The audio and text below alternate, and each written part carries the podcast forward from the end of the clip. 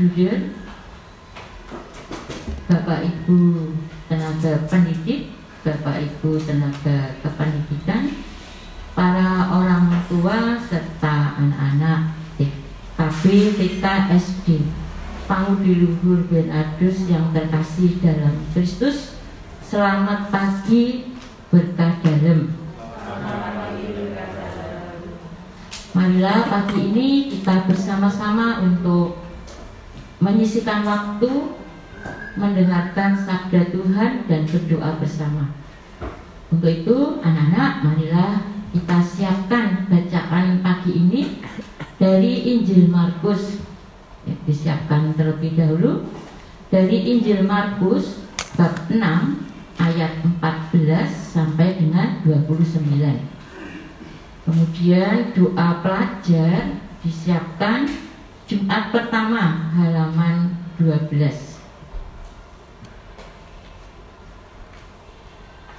Oke, sudah siap? Ya. Allah adalah kasih. Marilah kita mengatakan kasih Allah. Dalam nama Bapa dan Putra dan Roh Kudus. Amin. Terima kasih Tuhan untuk pagi dan hari yang baru ini.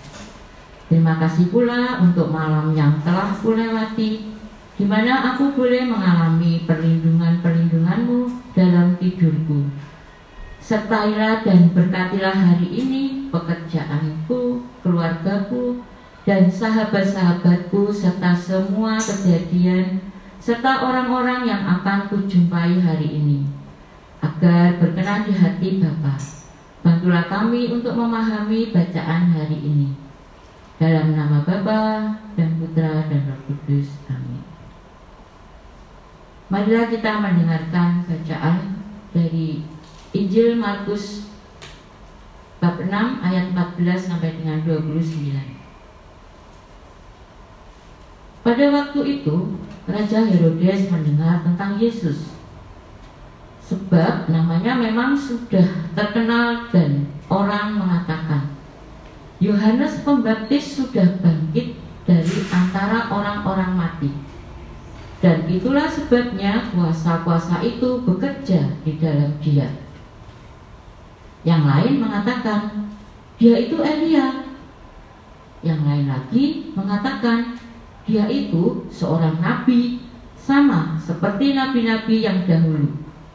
Waktu Herodes mendengar hal itu, ia berkata, Bukan, dia itu Yohanes yang sudah kupenggal kepalanya, dan kini bangkit lagi. Memang Herodeslah yang menyuruh orang menangkap Yohanes dan membelenggunya di penjara berhubung dengan peristiwa Herodias, istri Filipus saudaranya, karena Herodes telah mengambilnya sebagai istri.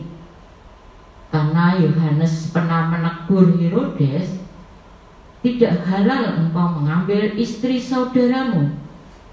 Karena kata-kata itu, Herodias menaruh dendam pada Yohanes dan bermaksud membunuh dia. Tetapi tidak dapat sebab Herodes segan akan Yohanes karena ia tahu bahwa Yohanes adalah orang yang benar dan suci. Jadi ia melindunginya. Tetapi setiap kali mendengar Yohanes, hati Herodes selalu terombang-ambing. Namun ia merasa senang juga mendengarkan dia. Akhirnya tiba juga kesempatan yang baik bagi Herodias ketika Herodes pada hari ulang tahunnya mengadakan perjamuan untuk para pembesar, para perwira, dan orang-orang terkemuka di Galilea. Pada waktu itu putri Herodias tampil lalu menari dan ia menyukakan hati Herodes serta tamu-tamunya. Maka raja berkata kepada gadis itu, Mintalah daripadaku apa saja yang kau ingini, maka akan kuberikan kepadamu. Lalu Herodes bersumpah kepadanya, apa saja yang kau minta akan kuberikan kepadamu, sekalipun itu setengah dari kerajaanku. Anak itu pergi dan menanyakan ibunya, apa yang harus meminta? Jawab ibunya, kepala Yohanes Pembaptis. Maka cepat-cepat ia pergi kepada raja dan meminta, aku mau supaya sekarang juga engkau berikan kepadaku kepala Yohanes Pembaptis dalam sebuah talam. Maka sangat sedihlah hati raja. Tetapi karena sumpahnya dan karena segan terhadap tamu-tamunya, ia tidak mau menolaknya. Raja segera menyuruh seorang pengawal dengan perintah supaya mengambil kepala Yohanes. Orang itu pergi dan memenggal kepala Yohanes di penjara. Ia membawa kepala itu dalam sebuah talam dan gadis itu memberikannya pula kepada ibunya. Ketika murid-murid Yohanes mendengar hal itu, mereka datang dan mengambil mayatnya, lalu membaringkannya dalam kubur. Demikianlah Injil Tuhan. Baik, anak-anak. Tema bacaan hari ini tentang sakit hati dan dendam. Itu sebabnya Herodes memenjarakan Yohanes, tetapi tidak sampai membunuhnya. Lain cerita dengan Herodias yang sakit hati dan dendam. Ia mencari kesempatan untuk menyingkirkan Yohanes. Kesempatan itu datang saat putri Herodias mendapatkan janji dari Herodes untuk meminta apa saja. Nah, dalam bacaan hari ini itu adalah merupakan gambaran kebanyakan manusia saat ini. Kebanyakan kalau apa ya? Kalau kita dinasehati, kita ditegur, eh kadang tidak suka di hati ya, malah marah-marah. Nah, Tuhan Yesus tidak suka sifat dan perbuatan seperti itu. Nah, terus sikap yang bagaimana, terus bagaimana cara menghindari sakit hati dan dendam. Baiklah, Ibu akan menyampaikan ada tiga jenis tipe manusia. Yang pertama, Ibu gambarkan bagaikan buah kedondong. Nah, anak-anak tahu tidak buah kedondong? Buah kedondong itu nanti yang belum tahu bisa tanya mama ya, bisa tanya papa. Buah kedondong itu di luarnya itu halus pasti kalau dicuci ya jadi kempling ya. Kelihatan halus cantik. Tetapi begitu dikupas dimakan ternyata di dalamnya itu ada biji yang apa ya seperti uh, rambut landa itu ya bercampur dengan daging itu kalau kita makan nggak ada lagi bisa sakit. Nah uh, itu seperti itu kadang uh, kita kadang terlihat baik ya. Contohnya seperti anak-anak kalau dinasihati mama, ayo anak-anak udah belajar belum? Ini mah belajar. Ditengok, ah belajar sungguh. Begitu mama pergi, sudah HP-nya diambil ya. Tuh.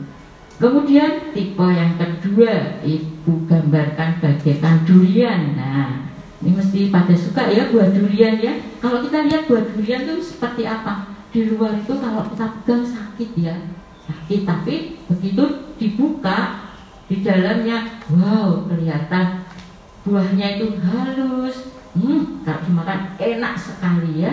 Nah tipe seperti ini kadang uh, kita tuh melihat orang itu terlihat seram ya. Hmm, tetapi setelah kita kena oh, ternyata baik hati ya suka menolong. Nah ini tipe yang ketiga nih yang terakhir. Oh yang mana ya? Yaitu di mana Tipe yang ketiga ini adalah perpaduan kedua antara buah kedondong dan dan buah durian. Di mana kalau di, di luar terlihat menyenangkan, terlihat enak dipandang, dan di dalamnya juga terlihat enak menyenangkan. Ya, sama seperti kita. Ya, kalau alangkah baiknya kalau uh, di luar di luar dan di dalam itu uh, sama-sama terlihat menyenangkan. Nah sekarang ibu mau bertanya, kita masuk di tipe yang mana? Apakah tipe yang ke satu kedua atau ketiga? Nah, betul. Kita itu harusnya tipe yang ketiga. Kalau kita dinasehati ditegur siapa saja hendaknya ada tiga hal yang harus kita lakukan tiga hal yang harus kita perbuat yaitu ucapkan satu terima kasih. Nah, kita kan diingatkan ya. Yang kedua kalau diingatkan pasti kita itu melakukan kesalahan mintalah maaf. Dan dalam hati kita tidak akan mengulangi lagi. Itu ya anak-anak ya pesan dari ibu. Kalau ditegur, dinasehati siapa saja baik teman, bapak ibu guru, bruder, teman orang tua tiga hal yang harus kita perbuat yaitu terima kasih, mohon maaf dan tidak akan saya ulangi.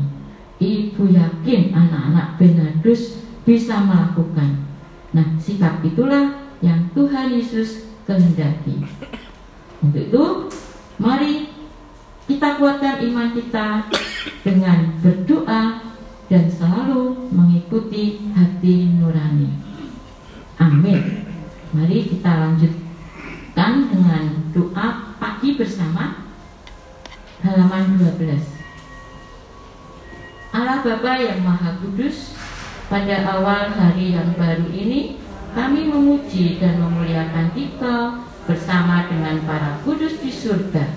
Syukur dan terima kasih kami sampaikan kepadamu atas rahmat kesehatan yang boleh kami terima sehingga kami dapat memulai kegiatan kami pada hari ini dengan penuh semangat. Semoga roh kudusmu senantiasa membimbing langkah hidup kami hari ini, agar usaha dan niat kami pada hari ini berguna bagi kesejahteraan dan kebahagiaan banyak orang. Demi Kristus Tuhan dan penebus kami. Amin. Bapa kami yang ada di surga, dimuliakanlah namamu, datanglah dalam surga. Berilah kami rezeki pada hari ini dan ampunilah kesalahan kami seperti kami pun mengampuni yang bersalah kepada kami dan janganlah masukkan kami ke dalam pencobaan tetapi bebaskanlah kami dari yang jahat. Amin. Santo Bernardus, doakanlah kami. Amin. Dalam nama Bapa dan Putra dan Roh Kudus. Amin. Terima kasih atas kebersamaan dalam doa pagi hari ini. Selamat beraktivitas, Tuhan memberkati.